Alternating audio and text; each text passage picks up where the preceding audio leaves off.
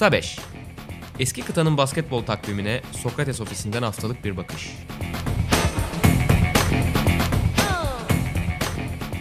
Merhabalar, Sokrates'in Euroleague Podcast'i Kısa 5'in yeni bölümüne hoş geldiniz. Bu bölümde ben Buğra Balaban, sevgili Utkan Şahin ve Kaan Demirel'le beraber geçtiğimiz haftadan kalanları ve yine e, bu haftaki gündemi konuşacağız. Çift maç haftası öncesinde girizgaha biraz yeni çıkan sayımızla yapalım. Ufak bir reklam periyodu sokalım araya. E, geçtiğimiz ay hayatını yitiren Kobe Bryant'a e, adanmış bir sayımız var. Yaklaşık hatta tamamını söyleyeyim yaklaşık değil 24 sayfalık bir e, derin derin Kobe Bryant dosyası burada olacak. Euroleague ile alakalı da e, özel bir röportaj var. Uğur Ozan Sulak imzalı Nando De Colo röportajı. Alışma sürecini, Kostas Lukas'ta uyumlarına dair e, merak edilenleri birçok şeyi samimiyetle anlattı De Colo Uğur Ozan'a. Onu da merak edenler okuyabilir. E, aynı zamanda benim kısa bir Dilonta West yazım var. Onun da e, içinde bulunduğu zor duruma dair, hastalığına dair çok şey konuşulmuştu. Onunla ilgili birkaç şey karaladım. Ee, böyle. Kaan sen de yazından bahsetmek ister misin? Ee, yani box podcast'ında olsaydı Chuck Webner'ı yazdım ben. Yine de e, yani belki bir basketbolcusu değil ama Saracoğlu'nda açılan koreografide bir senin yazıya da gönderme oldu ama bakma. Evet şeyle konuşmadık yönetimle anlaşmadık da. Telif isteyecek misin? Pekala e, yavaş yavaş konuşmaya başlayalım o zaman Euroleague'i çünkü çok fazla e, konuşacak şey var hakikaten. Arzu ederseniz geçen haftadan biraz e, alalım sonrasında devam edelim. Fenerbahçe, Valencia ve e, Efes Alba Berlin maçlarında iki galibiyetle kapattık geçtiğimiz haftayı. Valencia çok kritik bir maç diyorduk. Playoff yarışında e, birkaç haftadır aldığı yaraların ardından Fenerbahçe'nin çok hata payı yoktu. Ve Valencia'ya karşı sezon boyu belki görmediğimiz kadar maç sonunu iyi oynayarak belki. Hani evet yine son bir dakikada top çıkarırken bir iki aldık alışkanlık oldu neredeyse hata gördük gördük ama onun dışında çok daha sakin kalarak e, kazanmayı başardı Fenerbahçe. En azından o umut ışığını yaktırmadı Valencia'ya. Neler gördünüz sizi en etkileyen ne oldu? Öyle başlayalım. Ya yanlışım varsa düzeltirim. Galiba Fenerbahçe Galatasaray maçında o maçtan farklı bir ilk beşle başladı maçı. Ben maçın başını kaçırdım. Sonradan e, izlemeye başladım. İyi bir Fenerbahçe olduğunu gördüm ben. Yani spacing kavramını yeniden belki uzun zaman sonra hatırlayan bir takım vardı sahada diye düşünüyorum. Onun dışında Derek Williams artık bir kumara dönüştü. Yani iyi oynadığında gerçekten Fenerbahçe farklı bir Fenerbahçe olmaya başlıyor. Kötü oynadığında zaten savunmada ne kadar eksi yazdığını hep konuşuyoruz. Geçen podcast'te de siz bahsettiniz. Bu maçta iyi bir Derek Williams vardı. Bunlar dışında Fenerbahçe'nin şey avantajını çok iyi kullandığını düşünüyorum ben. Geçen sezon da bunu çok yapıyordu. Son saniye basketlerini iyi yakaladığında ve rakibi moralman çökertmeye başladığında hemen bir farkı açmaya başlıyor. Ve bu gerçekten çok olumlu yansıyor oyunculara da. Bu maçta bunu iyi kullandığını düşünüyorum. Bir de söylemek istediğim bench'ten katkı alma konusunda bu maç özelinde Fenerbahçe'nin iyi iş yaptığını düşünüyorum. Belki hani e, çok fazla isim değil ama Bobby Dixon'ın maç başındaki enerjisi ve tereddütsüz attığı şutlar takıma enerji getirdiğini düşünüyorum. Ama şeyi de en son konuşmak lazım. Belki de hani son çeyrekte yani fark fazla olmasa belki yine kaybedilen bir maç olabilirdi. yani inanılmaz. Kenardaki maçtan fark yoktu. Aynen öyle. İnanılmaz bir şey ya. Yani topları çıkaramıyor olmak ve ard arda bunu yap- yapabiliyor olmak. Profesyonel basket. Ya, şey filmi gibi ya. Groundhog Day filmi gibi yani. Evet. Sürekli aynı sabah uyanıyorsun hakikaten. Yani birçok açıdan katılıyorum ben de Kaan'a ama şeyde söylemek lazım. Onun rotasyon olarak belirttiği şey bence çok da önemli. Ee, Dekolo ikinci çeyreğin biraz ortasında 7. dakikada girdi. Kalinç'le beraber girdi. Sulukas ilk çeyreğin son 40 saniyesine girdik ki Sulukas 2017'den beri en az süre aldığı maç oynadı. Hı hı. Ki felaket bir Galatasaray maçı oynadı. 13-0'lık serinin e, biraz kahramanı gibi bir şeydi Sulukas. O açıdan bir aslında rotasyon muydu bu yoksa bir e, mesaj mıydı takıma? Çünkü geçen hafta da konuştuk hatırlarsınız. Hı hı. Basın toplantısı çok sertti Obradovic'in. Hı hı. E, ve bir anda işte Bobby Dixon'ın süresi daha fazla arttı. Kalinç'in süresi düştü. Sulukas'ın rotasyondaki yere düştü. Gibi gibi şeyler çıktı. Artçıları oldu. Tabii yani bunu uzun vadede göreceğiz. Şimdi bir maç üzerinden evet işte Fenerbahçe sulkası kes demek biraz saçma olur ama e, bir sanki mesaj varmış gibi geldi bana bir açıdan. Evet son çeyreğe kadar hatta yanılmıyorsam 6 dakika parkede kalmıştı. Evet evet. Sondaki o girdikten sonra biraz daha tabii 10 dakikaları buldu ama. Ki Westerman belki iyi oynasa Westerman kötü bir günündeydi. Belki hiç Sulkas oynamayacaktı bir açıdan. Ben öyle düşünüyorum en azından. Evet. E, o işin açısı. E, SpaceX açısından evet Kaan'a gene katılıyorum. Çok çok iyi bir Fenerbahçe hücumu izledik ama bu biraz bana biraz çok iyi bir şut günü olmasından da alakalıymış Hem gibi. öyle. Biraz yanıltıcı. Hem de bana Evet. şu- biraz da şu geldi katılır mısınız bilmem. Valencia savunma statüsünü çok içeriye gömülerek yaptı. Yani Evet. o hani spacing elbette etkili. Bu sizin elinizi kuvvetlendirmek açısından ama bir yandan da Valencia içeriye çok gömülüp o hani Veseli'nin ya da Malcolm Thompson yapacağı ya da Derek Williams'ın ikili oyundan devrilmelerini ya da katlarını savunmak için çok fazla içeriye gömülünce hakikaten dışarıda çok fazla boş şut imkanı buldu Fenerbahçe. Biraz o oranı yükselten hani şut gününün e, iyi bir şut günü geçirmesini sağlayan noktalardan biri de oldu bence. Kesinlikle katılıyorum. Zaten belli bir noktaya kadar e, yanlış hatırlamıyorsam Euroleague'de üçlük atışları en kötü son takım Valencia'ydı. Şu an ne durumda olduklarını bilmiyorum da bir iki hafta önce kadar öyleydi. Diğer taraftan Derek Williams'a gelirsek de yani evet çok iyi bir gündeydi. Hafta sonunda Afyon maçında o kazandırdı bence. Ama yani o çok iyi olduğunu söylediğimiz günde bile ikinci çeyrekte ben bireysel savunma hatalarına baktım. En az 12 sayılık bir katkısı var Valencia'ya. Yani e, o da bir problem açıkçası. Yani çok iyi oynuyor diyorsun. Hücumda bir şeyleri değiştiriyor diyorsun ama o 12 sayılık sana gene savunmada bir yerden geri dönüyor ve uzun vadede playoff'lar geldiğinde bence takımlar Derek Williams'ın üzerine çok fazlasıyla oynayacak. Evet. Ee, o açıdan da ben Afyon maçında hocanın 3 numara denemesinin bir acaba bir değişiklik olup olmadığını merak ediyorum. Çünkü 3 numarada çok uzun süre 3 numarada oynattı Derek Williams'ı.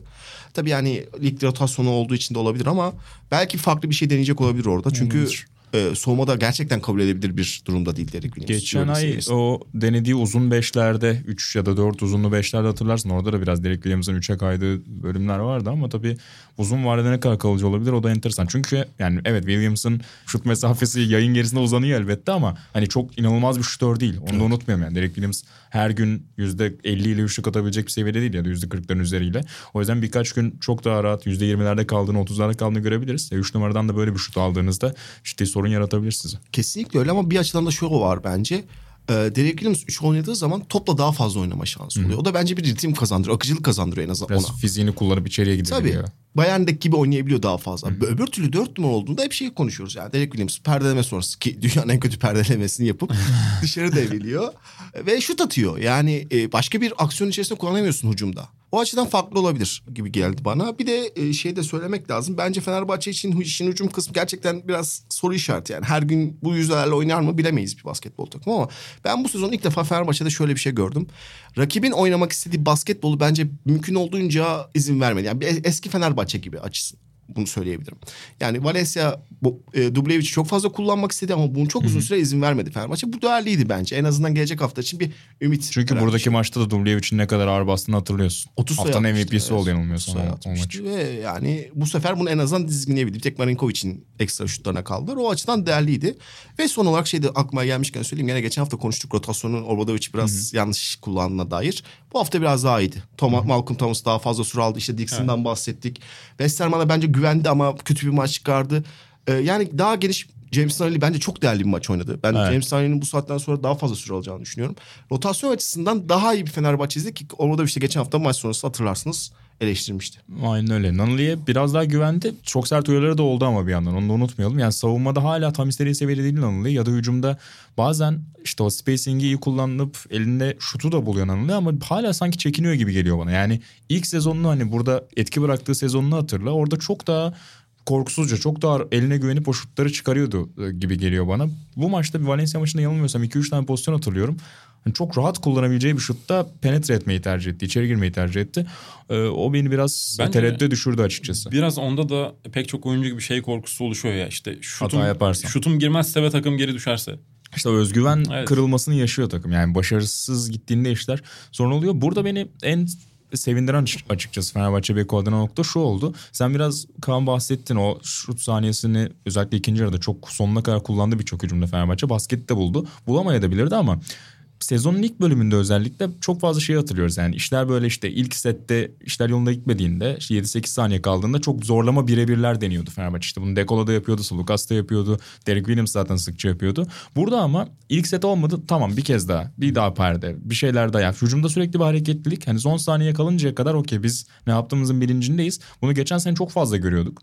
Fenerbahçe harika bir normal sezon geçirirken anahtarlarından bir tanesi buydu. Yani hücum saatini sonuna kadar kullanıp ısrarla akılcı şutu bulmaya, o boş şutu bulmaya çok çabalıyordu. Burada da ben o sanki geçen yıldan esintiler gördüm. Biraz onun sonucuydu bence ve o sabır biraz özgüveni de getirdiği bir şey. Bence o önemli. Yani şu ana kadar çok az görmüştük çünkü. Hep böyle bir ne olacak acaba? Herkes birbirine bakıp hani biri sorumluluk alsa da bana kalmasa iş diyordu. Bu sefer takım halinde hücumda o hareketlilik sürekli işte ikinci perdeler, üçüncü perdeler e, o umut verdi bana açıkçası. Yani hatırlayacaksınız bazı maçlarda şey oluyordu. Bir oyuncuya pas gidiyor. Pasın gittiği yerde iki oyuncu duruyor yan yana. İnanılmaz şeyler. Tabii tabii. Hücumda ve savunmada da benzer problemler vardı. Aynen öyle. Marinkovic'e değindin. Onu da atlamayalım bu arada Valencia'da. Vanya Marinkovic yani sezon başında da aslında çok merakla beklenen bir e, transferdi. Çünkü özel bir skorer olduğu hep konuşuluyordu genç oyuncunun. Ama aldığı dakikalar çok inişli çıkışlı oldu. Ponsarnau onu düzenli bir rotasyon parçası yapmadı. Bazı maçlar çok az kullandı. Bazı maçlar biraz daha sorumluluk verdi. Burada bana yani zaten şut e, dokunuşunun özel olduğunu herkes söylüyordu ama özellikle ikinci yarıda biraz sayıların da artmasıyla özgüveni de tazelendi sanki genç oyuncunun ve hani şut açısını kapattığında Fenerbahçe savunması hiç çekinmeden penetre yapıp pas açılarını falan da gördü. O bence geleceğe dair önemli Vaninkovic açısından. Biraz daha beklentileri yükseltmemize yardımcı olabilir onun için. Son olarak da Valencia'nın da hücum reboundlarını ben söylemek istiyorum. Ee, biraz böyle her podcast'te bir sayıyı ön plana çıkarmaya çalışıyoruz birkaç bölümdür. Burada da ben hani Valencia'nın hücum reboundu yüzdesine baktım. Çünkü 5 dış oynarken yani işte Dubljevic ya da Mike Toby 5 numarada Valencia'da genelde oynayan oyuncular ve ikisinin de şut tehdidi olduğu için genelde tepede özellikle o şutları arıyorlar. 5 dış oyuncu oynarken 5 şutör gibi oynarken bile şut kullanmaya başladıklarında anında 3 oyuncuyla hücum rebounduna atak yaptığını görüyoruz genelde Valencia'nın. O da etkileyici hakikaten. Bu kadar dışarıda çembere uzak oynarken takımın geneli ligin en iyi hücum reboundu yüzdesinde 3. takım olmaları da etkileyici hakikaten. Bence Valencia'nın başarısıyla alakalı da bir şeyler söylüyor. Buradaki maçı da Ataşehir'de çevirirlerken o hücum reboundları çok önemliydi hatırlarsınız. Aynen. Ya Valencia ile ilgili bir gerçek var bence. Onu da hemen belirtelim. Yani bu takımın belli bir kalitesi var ama yukarı seviyeye çıkamıyor. Yani zaten geç şey geç hafta şey kısalar belirliyor biraz tavanı. Evet orada. çünkü yani dereceleri belli. Bir ondu yanlış hatırlamıyorsam playoff potasında olan takımlara Hı-hı. karşı. İşte bence Fenerbahçe maçında da bunu biraz gördük. Yani Fenerbahçe bence Valencia kadar organize bir basketbol oynamıyor hala bu hafta bile. Hı. Ama kalite olarak iki gömlek yukarıda ve Valencia o gömlek şey yetişemiyor. Bunun için de e, işte koç biraz farklı şeyler ne bileyim hücum bandında yüzdeyi arttırıp daha fazla hücum etme şansı işte tempoyu arttırma şansı gibi şeyler elde etmeye çalışıyor ki bence de gerçekten beş kısa oynayarak böyle bir avantaj elde etmek önemli bir başarı. Tabii yani rakip potadaki her 3 topun birini almak epey yüksek bir oran. Tabii. Bakımı. E, pozisyon miktarını da artırıyor bu sayede. Başka söyleyeceğiniz bir şey yoksa Anadolu Efes'e geçelim. Sonrasında genel gündeme dönelim. Anadolu Efes de Alba Berlin deplasmanındaydı. 13 sayıyla kazandı Efes. Utkan sen rahat geçmesini beklediğini söylemiştin yanılmıyorsam geçen podcast. Ben biraz daha çekinceliydim. Açıkçası senin dediğin gibi oldu yani. ikinci yarıda özellikle Efes çok yaklaştırmadı Alba Berlin'i.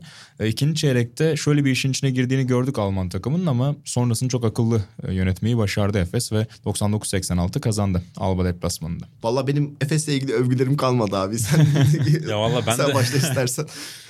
Yani Efes'le ilgili ne söylenir gerçekten bilmiyorum. Yani zaten deplasman serisinden artık bahsettik. Efes'te bence artık sayılardan daha üst seviyede konuşulacak şeyler var. Ne bileyim yani takımda kim oyuna girse sırıtmıyor. Kim oynasa sistem değişmiyor. Yani sanki en başından hani kurulmuş bir sistem var ve bunu hiç kimse yani şu an biri gelse ve takıma girse bir gün idmanla idman yapıp girse takıma alışıp oynayacakmış gibi bir düzen var ve bu düzen devam ediyor. Açıkçası ben kalan maçlarda da şu an 23 galibiyette galiba. Hı hı. 29'da falan bitireceğini düşünüyorum Efes'in. Sadece... Valla bence sadece bir tane zor maçı var. O da bu haftaki Makabi maçı. Ben bir de Fener maçına katabilirim. Ama tabii yerel derbi evet, sonuçta. Onun dışında herhangi bir kayıp olmadan takımın devam edeceğini düşünüyorum. İçerideki Olympiakos maçı? Çift ben... maç haftasının ikinci maçı. Genelde dar rotasyon olduğu için Efes'in bu hafta hep çift maç haftanın ikinci maçında zorlandığını gördük bir anlamda. Evet ama ben Ergin Ataman'ın o maçı vereceğine inanmıyorum. Hmm. Katılıyorum. Bir derbi olarak da görüyor Ege derbisi. Ege derbisi maçlarını. bir açıdan Fenerbahçe'ye olan rekabetle Ergin ilgili. hocam sever böyle. Ee, tabii tabii. Maç sonu röportajı için bazı şeyler lazım. O açıdan ben o maçı vereceğini düşünmüyorum en azından Efes'in. Tabii gerçi Olympiakos da yani bu basketbol maçı sonuçta. Olympiakos şu aralar çok formda evet, ama. Evet ondan bahsedeceğiz. E, Larkin de dönecekmiş galiba öyle konuşuluyor. O maç için. Bakalım. Zaten iki hafta açıklanmıştı ilk sakatlık. Hı hı. Bu haftanın sonuna doğru dönmesi bekleniyor. Olumlu noktalardan bir tanesi Alba maçında Adrian Moerman. Biraz geçen yılı hatırlatan evet. bir Moerman vardı. Hala yayın gerisinde çok güvenmiyor. Tek şut kullandı. isabeti buldu. Ama e, boyalı alanda ya da yayın içerisinde çok etkiliydi. Çok daha özgüvenli gördük Moerman'ı ve 19 sayı attı. 27 verimliliğe ulaştı. Çok güzel. Yani Moerman'ın da böyle playoff'a doğru ritim bulması çünkü çünkü sezon ilk yarısında neredeyse hiç yani kendisine benzemiyordu oynadığı oyun itibariyle. Onun da tekrar denklemin içine dahil olması önemli bence. Kesinlikle katılıyorum. Orada şunu ekleyeceğim. Ben onun geçen sene bir şeyini çıkarmıştım. Neden Barcelona'da bu kadar kötüyken e, Efes'e bir anda bambaşka bir karar elde etti? Ben şöyle bir kanıya vardım. Bilmiyorum belki siz farklı düşünürsünüz ama geçen sene Barcelona'da sadece sabit bir şütör ve içeri girmesi yasak olan bir şütördü. Yani uzun da olsa sadece 4 numaradan o şut atacaktı. Efes de şutların %42'sinin civarını içeriden kullanıyordu. Bu da bence belli bir başlı bir sertlik kazandırıyor. Ben onun 4 numaralarda çok önemli olduğunu düşünüyorum. Yani tamam dışarıdan şut atmak spesifik açısından çok önemli ama mesela Chris Singleton'da Panathinaikos onu yaşamıştı. Sürekli dışarıda oynamak belli bir noktadan sonra seni yumuşatıyor. O sertlikten kaçmaya başlıyorsun. Çünkü iş kolayına geliyor. Muharrem Efes de bunu tekrar hatırlayınca ritmini de arttırdı. O açıdan evet şutun hala çok güvenmiyor ama içeride oynaması bence ona belli başlı bir şey getiriyor. Güven getiriyor. Ve gelecek haftalarda daha iyi olacağını düşünüyorum. Çünkü sakatlığının etkisini böyle en azından soğumada görmüyoruz. O açıdan değerli olduğunu düşünüyorum. Ee, Bu hafta da Efes ilk olarak Maccabi deplasmanına gidecek. Sonrasında Olympiakos'u ağırlayacak az önce söylediğimiz gibi. Tabii bu haftanın önemli maçlarından bir tanesi Efes Maccabi. Ne bekliyorsunuz? Yani iç sahada en iyi takımlarından e, ligin Maccabi şüphesiz. Galiba sezonun da en az sayı yiyen takım Evet. olabilir Maccabi. En iyi savunma en- takımı, en iyi savunma takımı. Yani bir kere çok sert bir takım ve agresif bir takım. Ama aynı zamanda Efes'te yani hücum verimliliği inanılmaz bir takım. O açıdan bence güzel bir maç olacak.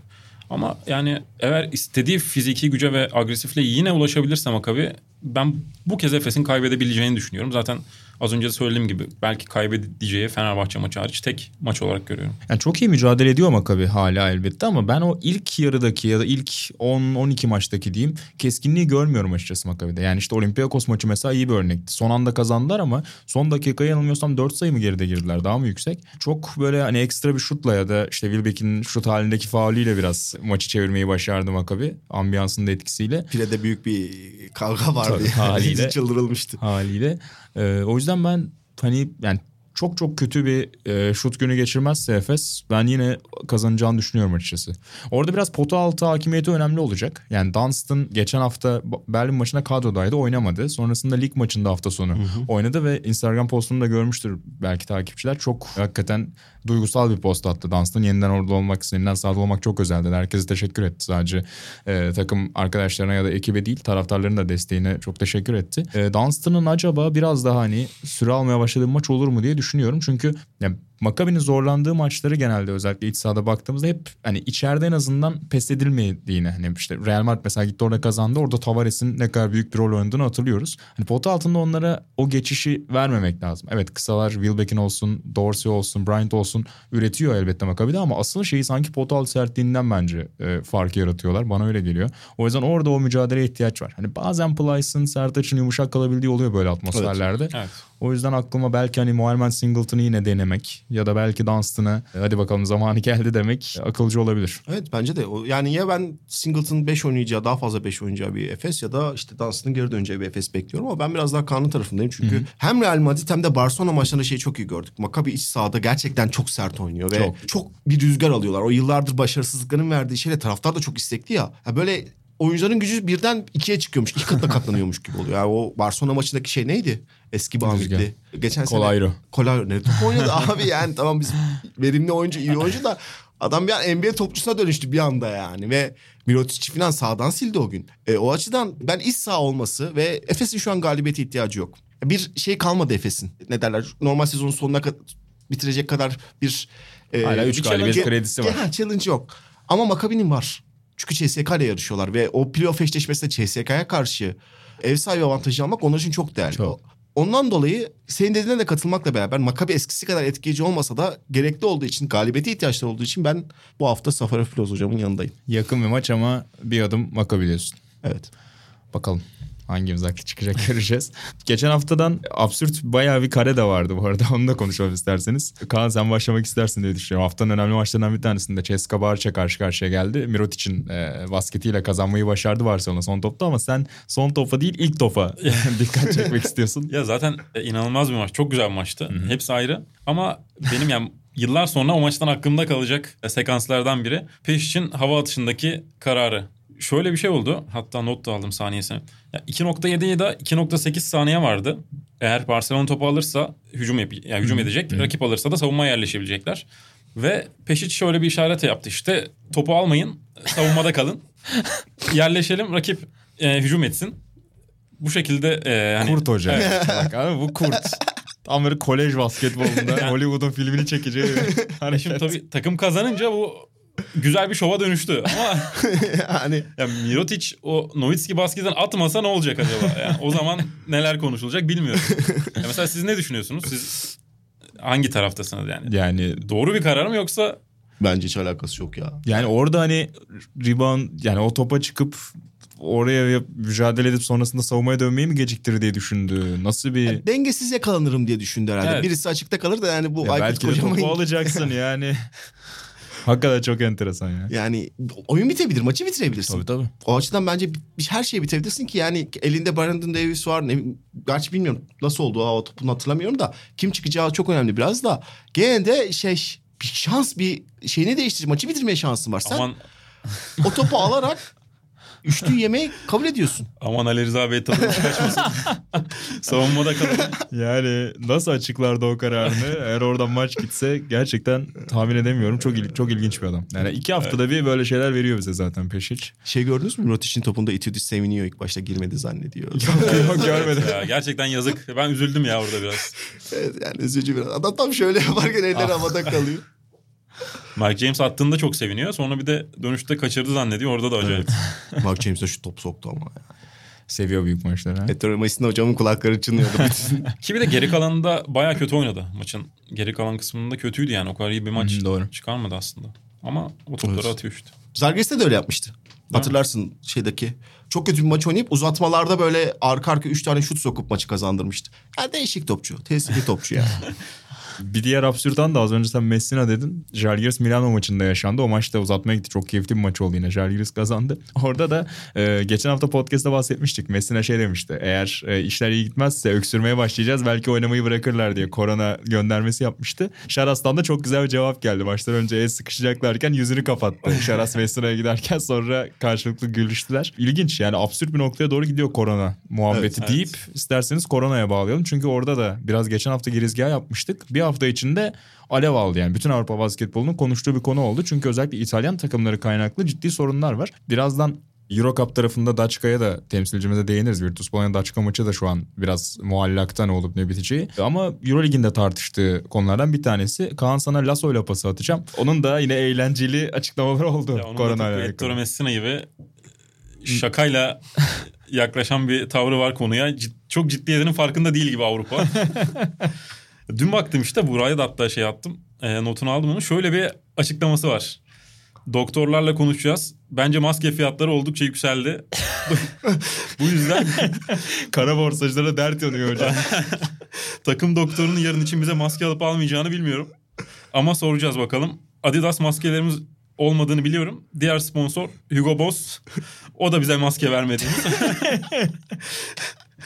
Belki, belki işte son dakikada peçete ya da klasik bantlarla çıkarız maça falan gibi bir açıklama yapmış. Hocam ya çok bu adamı sevmemek Gerçekten gerçekten, çok ya. güç. Ee, yani Ee, İnanılmaz bir adam. Bu arada hafta sonunda futbolda El Clasico vardı. O da sorulmuş o, açıklamalar esnasında. Trende izlemiş. Malaga deplasmanındaydı. Ligde 4 sayıyla kazandı Real Madrid. Dönüşte tren yolunda baba izlemiş. Clasico galibiyetini de öyle yaşamış. Sakatlıkları da bu arada bir parantez açalım. Randolph ve Yuiş e, sakat oynamayacaklar. Jordan Mickey belki ikinci maça dönecek ama ilk maçta o da oynamayacakmış Milano deplasmanında. Fabian Kozor ve Gabi Dekin de hafif sakatlıkları var. 11 Onlar da- kişiyle gidiyorlar Milano'ya. Orada bir Onu şey söyledi söyleyeceğim. Lasso. Bence o çok e, aslında şey bir iş, riskli bir iş. Real Madrid maç günü uçacakmış Milano'ya. Ya uçacaklar ve maç oynayacaklar. Yani sporcu sağlığı için bence hiç makul bir durum değil. Ki çift hafta maç şeyindeyiz, takvimindeyiz. Sonra gidecekler tekrar başka bir yere uçacaklar. O açıdan bence yani koronavirüsünü işte burada gülüyoruz, eğleniyoruz ama ben oynanmaması gerektiğini düşünüyorum. En azından bu tarz olacaksa fikstür. Ya işte takvimi bu kadar sıkıştırınca bu tür e, esnekliklerin de kalmıyor maalesef. Yani evet daha fazla takım, daha fazla maç, daha büyük bir ekonomi bunlar anlaşılabilir ama bir yandan da o kadar sıkışık ki takvim. Ee, işte çift maçların ne kadar arttığını falan da hep konuşuyoruz. Hani esnetme şansı yok yani bir hafta iki hafta kontrol altına alınana kadar bekleyelim deme lüksü yok şu an Eurolig'in. Ama işte diğer Bu da taraftan tabii- da yani bazı takımlara istemeden de olsa çok çifte standart davranılmış oluyor. Mesela şimdi Madrid Kesin. Gidip aynı gün maça çıkacak. Diğer tarafta başka bir takım aynı aynı şartlarda oynamıyor Ya olacak. da ya da işte Real Milano deplasmana gidecek ama seyircisiz Ha. oynanacak. Milano'daki o bölgedeki korona miktarların korona e, teşhislerinin arttığından ötürü. E bu da aslında bir anlamda Milano'da dezavantaj. Çünkü Evet. seyirci avantajını kullanamayacak. Yani Tabii. daha tabii ateşli seyirci gruplarına sahip takımlar var ayrı konu ama ne olursa o sene bu sene fena bir atmosfer yoktu Medellon'un forumunda. Yani o çok e, dengesizlik yaratıyor. O işte biraz şeyden kaynaklanıyor bence. Olimpiyat elemeleri çok erken ya. İşte FIBA ile Euroleague biraz konuşabilse, birazcık gibi. konuşabilseler en azından belki o takvim biraz geciktirebilir. Zaten o maçların o kadar erken olması bence saçma. Yani NBA de var işin içerisinde. Ve yani belki olimpiyatların bile düzenlenmeyeceği bir duruma gidiyoruz. O açıdan doğru. sanki her şey çok mükemmel ilerliyormuş gibi her şeyi böyle geciktirerek karar vermek ileride daha zor kararlar alınması gerektiği zaman bu emsal kararlar yüzünden alınamamasına sebep olabilir. Şimdi konuşuyoruz yani birazdan daha açığı konuşacağız merak ediyorum ben. Nasıl Sana bir çözüm söyleyeyim. bulunacak? Yani Efes de Milano playoff oynarsa sen Efes'i e, şey Türkiye'de maç oynatmayacak mısın? Ya da iki hafta sonra sadece İtalya'da değil birçok Euroleague ülkesinde bu ciddi Evet. tehdit olduğunda ne olacak? Yani Yunanistan'da başlık geçen hafta da konuştuk. Geliyor çok hızlı yayılan bir şey bu ve büyük ihtimal gelecekte daha fazla baltalayacak bu işleri. O açıdan ben çok zor günler beklediğini düşünüyorum Euroleague. Diğer taraftan mesela şimdi Daçka'nın Almanya'da da oynayamayacağını belki söyledin sen. Evet o konuya O daha zaman- detaylı belki gireriz birazdan. Şeyi de söyleyeyim Azvel'i de söyleyeyim öyle geçelim isterseniz unutmayalım. Ee, Fransa'da da hükümet işte koronanın yayılma sürat yayılma hızından dolayı ekstra önlemler almış. Onların bir tanesi de okuduğum kadarıyla Fransız medyasında şuymuş. E, 5000 kişiden fazla e, kapasiteli etkinlik kapalı salonda yapılmayacak e, şeklinde. Yani Azvel zaten 5200-5300 kişi civarında oynuyordu bu sezon maçlarını e, Astrobel'de ama onu işte bu kararı uydurmak için 4500'e çekmişler Valencia maçında. Muhtemelen zaten 4000 üzerinde izleyici olmayacakmış satılan biletlere bakıldığında. Ama Zalgiris'te 9000 kişi vardı. keza Ki maç biletlerinin tamamı satılmıştı. Aynen öyle. Ee, hafta sonunda Monaco maçı ligde ertelenmiş Azvel'in yine e, virüs tehdidinden ötürü.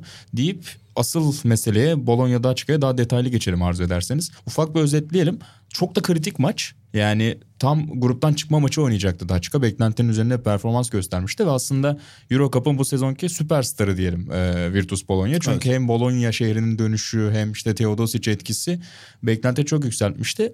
Hani o beklenti kadar oynamamıştı Bologna ve İstanbul'da belki de erken bir veda sonuçlanacaktı. Sen hatta koçun son günü olabilir demiştin. Ben bence maçın favorisi Daçka. Öyle bir havayla geliniyordu aslında ama şu an Türkiye hükümeti İtalya'dan uçuşları yasakladı birkaç ülkeyle beraber. Bu yüzden Bologna'nın gelememe durumu oldu. Başta Euroleague bir şekilde gidin şeklinde gibi galiba yaklaşımda bulunmuş. Ve Hatta onu hemen belirteyim Slovenya, üzer- ya Slovenya ya da başka bir yer üzerinden uçuş planlanmış da. Ama bir yandan da tabii İtalyan Basketbol Federasyonu'nda veryansın etti. Gianni Petrucci Federasyon Başkanı hem Olimpiyat Komitesi Başkanı Giovanni Malago'yu hem Dışişleri Bakanı Luigi Di Maio'yu hem de Spor Bakanı Vincenzo Spadofora'yı aradığını ve e, hani Amerikan Başkanı'nı devreye soktuğunu ifade etmiş La Gazzetta dello Sport'a. Böyle olunca hani diplomatik yollarla işin çözülmesi için e, çaba sarf ettiler. Böyle olunca maçın şimdilik hani ertelenmesine dair bir karar geldi dün. E, Euroleague açıkladı salı günü. E, düzeltiyorum pazartesi günü. Ama nihai bir şey yok. Yani şu gün şurada oynanacak diye bir şey yok. Bununla alakalı Utkan sana atacağım pası. Başka ülkelerde oynanma durumu var. Dün Selçuk Ernan çok güzel bir emoji tweet'i vardı. Evet. Yani yaşadığı hayal kırıklığını anlatan. Sen sonra konuşma imkanı da buldun Selçuk Evet, Hoca'yla. evet, E, senden dinleyelim hikayeyi biraz. Hocayla da konuştum. Sonra Daçka yönetimiyle de konuştum. Birkaç kişiyle de konuştum. Olay şu biraz. Dün salı öğlene kadar benim bildiğim kadarıyla o iş 0.20'ye doğru gidiyordu. Yani Bologna gelmezse Türkiye'ye maç Daçka'nın lehine teslim edilecekti. Ama dün Türkiye e, öğlen saatlerinde şey kararı aldı. İtalya'da e, 14 gündür bulunan hiçbir kimse ülkeye giremez diye bir karar aldı ve bu Bologna'nın ülkeye girme ihtimalini tamamen kaldırdı. E, Şimdi bu iş bir sağlık işi ve o yüzden spor müsabakası üzerinden kimse şey demek istemiyor burada. Yani Daçkın hakkı yeniyor ne olacak canım gelsinler falan de, demeyeceğim öyle bir şey yok ama bir ortada bir e, Adaletsizlik de var. adaletsizlik var. Çünkü Euroleague'in ilk teklifi bu konudaki ilk teklifi maçı Belgrad'da oynayalım. Yani Ama şimdi Miloš Teodosic'in olduğu, Djordjevic'in olduğu bir takımı oraya götürmek yani Yao Ming'le Houston'ı Çin'de oynatmak gibi bir şey. Yani ben sen bir şey yazdın. Vatikan'da oynasın yazdın. Bence aynı şey yani. Gerçekten öyle ve adaletsiz olacak. Daçka, şey Daçka'nın bu işteki teklifi Almanya. Almanya istiyor ki yani En azından gurbetçi Evet, çok fazla olduğu için. Ama e, o da olmayacak gibi gözüküyor çünkü duyduğumuz kadarıyla Almanya'da İtalya'da yasaklayacakmış. İtalya'yla sınırlarını şey yapacak. Ama- Almanya'da vaka miktarları çok yüksek değil ama ondan bahsedecektin Yok, Kaan. şunu soracaktım ben. Mesela burada hani Almanya'ya gidilemiyor ya. Abi o zaman Final Four Almanya'da. O dünyanın şey dört bir yandan insan gelecek. Muhtemelen iki aya kontrol altına alınması bekleniyor bu Köln'de olacağı için ama, yani Hiç öyle konuşulmuyor ki. İşte ortada bir plan Almanlar Yok. çat diye erteler bu arada. Yok yapmıyorum der yani biter. Yine Belgrad'a alınabilir. Ne Belgrad'da bir Final Four olabilir. Ee, enteresan. Yani La Gazzetta'da Ljubljana ihtimali de konuşuluyordu ama Ljubljana da yine İtalya'ya çok yakın ve Türkiye'ye yine hani Daçka'ya hiç bir avantaj olmayacak bir şey ama şu an görünen durum hani biraz yani bir şekilde Balkan coğrafyası içerisinde bir yerde olacak gibi. Başka yerde gibi yok. Maçı da cuma günü oynatmak istiyor ilk. Yani çok da öyle ertelemek istemiyor. Öbür haftaya İlk kalsın. başta bir perşembe ihtimali konuşulmuştu. Sonra Cuma, Cuma'ya, kaymış duydum olabilir. ben. Cuma duydum. Yani öbür haftaya kalmasın iş hemen kapatalım diyor. Yani onun da sebebi 18'inde galiba e, çeyrek finaller başlıyormuş. 25'ine başlasın. yani nedir abi aceleniz? Yani çünkü iş, takvim bu kadar sıkışık değil ki Euro Cup'ta. Bir Euro kadar şey değil işin işi. Niye bu kadar hızlandırmaya çalışıyoruz? Ya buradaki problemlerden bir tanesi ama ya bunun hani bir hafta için çözülebilecek bir şey değil ya. ya her geçen hafta aslında daha da kötüye gidiyor ve daha fazla ülkede daha fazla vaka Evet. çıkıyor bir yandan da. Yani bir yandan ertelemek de tam olarak çözüm değil. Yani hakikaten çok tuhaf bir noktaya doğru gidiyoruz. Ya bütün maçları Euroleague ani bir karar alacak. Bundan sonraki bütün maçlar seyircisiz oynanacak. Bütün ülkelerde diyecek ve o takımları göndermek için zorlayacak. Ama sonuçta uçağa binen, uçak çalışanlarıyla temasa geçen sporcu, teknik zaman- ekiplerin de bir şekilde tehdit altında olduğu bir döneme gireceğiz. O zaman çeşitli ülkeler şimdi Türkiye yasakladı. Almanya yasaklayacak. Yarın öbür gün başka ülkelerde yasaklayacak. O zaman maçların hepsini erteleyeceksin. Sezon şampiyon yok hayırlısı olsun. Ah be Efes yine. Efes taraftarları yine hüsrana uğrayacak Aygün gibi hocam görünüyor. artık hakikaten Şaka bir kadersizliği. Ee, evet enteresan hakikaten. Bologna Daçka mevzusunda da konu böyle. Yani biz podcast yayınlanana kadar bile farklı gelişmeler olabilir. Olabilir. Bununla ilgili emsal bir karar da paylaşmış olayım kapatırken yavaş yavaş konuyu. Kadınlar Euroleague, Euroleague Women'ı FIBA organize ediyor. Euroleague basketbola bağlı değil FIBA organizasyonu. Burada da normal e, grup aşamasının son maçlarında e, Riga ve Sopron takımları İtalya deplasmana gidecekti. Korona vakasından dolayı tarafsız bir sahaya a, almış organizasyonu FIBA. Ama takımlar gitmeyi reddetmiş oraya. Muhtemelen e, hani rakip takımla olacak temaslar ve virüsün yayılma ihtimaline karşı. Böyle olunca senin az önce söylediğin o 20-0 hükmen mağlup e, olup tamamlanmış o maçlar. Benzer senaryoyu görür müyüz? Atıyorum yani Daçka sallıyorum Belgrad'a gitmeyi reddederse ya da Real'sa muhtemelen ama git, oynayacaklardır. Yani buraya kadar getirdikten sonra Daçka oynamamayı tercih etmeyecektir diye tahmin ediyorum ben. Çok enteresan bir konu yani tam çözümü de yok bir yandan. Çok, çok üzücü çünkü gerçekten Daçka aslında yani gruplar ilk belli olduğunda kimse Daçka'ya grupta şans vermiyor. Kesin. Sonuncu diyenler gördüm ben. İşi buraya kadar getirdi ve içeride bir sayıyla kazandığın bir maçı da beraber turnuvanın en büyük favorisine diyerek geçip gidebiliyorsun. Bu şartlar altında maç işte Sırbistan'da oynanırsa yani çok yazık olur. Çok yazık Gerçekten olur. çok yazık olur. Süremizin yavaş yavaş sonuna geldik. Varsa unuttuğumuz eklemek istediğiniz kısaca alayım yoksa bu hafta da veda edelim. Ben yok gibi.